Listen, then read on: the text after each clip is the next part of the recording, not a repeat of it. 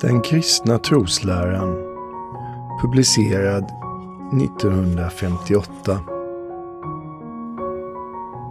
Kapitel 7 Gud har omsorg om oss. När israeliterna hade brutit upp från Egypten gick Herren före dem med en molnstod och visade dem vägen. Han förde dem genom Röda havet och räddade dem undan faraos här. Därefter ledsagdade Gud dem flera år genom öknen. När de skulle lägga sig sänkte sig molnstoden och när de skulle bryta upp höjde den sig.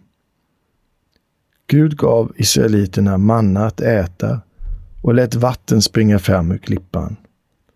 Så förde han dem in i det land som han en gång hade lovat Abraham och hans efterkommande.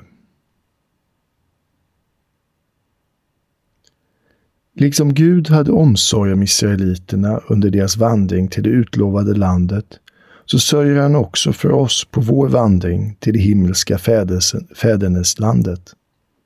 Han upplyser och helgar oss. Han skyddar oss för den onde fienden och låter oss äta himmelsbröd. Gud leder oss kärleksfullt och ger oss allt vad vi behöver på vägen till himmelen. Gud ger oss också de jordiska tingen. Han ger oss mat och kläder, kroppens och själens hälsa. Allt detta kommer ur hans faders hand. Också de jordiska tingen ska hjälpa oss att nå den eviga saligheten. Vi är i Guds hand. Han har tänkt igenom allt, också det som kan synas litet och obetydligt i vårt liv och han gör allt för vår frälsning. Citat. Gud har en sådan omsorg om var och en av oss, som frågade han endast efter honom ensam, och en sådan omsorg om alla, som om de vore bara en enda. Slutcitat. Augustinus. Denna Guds omsorg om oss kallar vi den gudomliga försynen.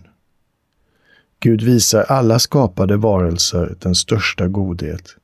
Han sörjer för dem och bevisar dem otaliga välgärningar. Gud är god. Till eftertanke. Hur sörjer Gud för oss på vår väg mot himmelen? Förklara uttrycket den gudomliga försynen.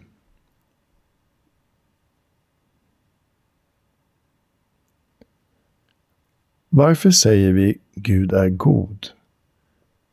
Vi säger Gud är god eftersom han har omsorg om alla sina skapade varelser och vis bevisar dem otaliga välgärningar.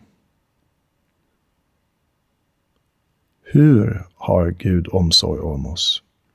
Gud leder oss kärleksfullt och ger oss allt vad vi behöver på vår, på vår väg till himmelen. Levnadsregel. Jag vill varje dag överlämna mig i Guds hand och betrakta allt gott som en gåva från honom.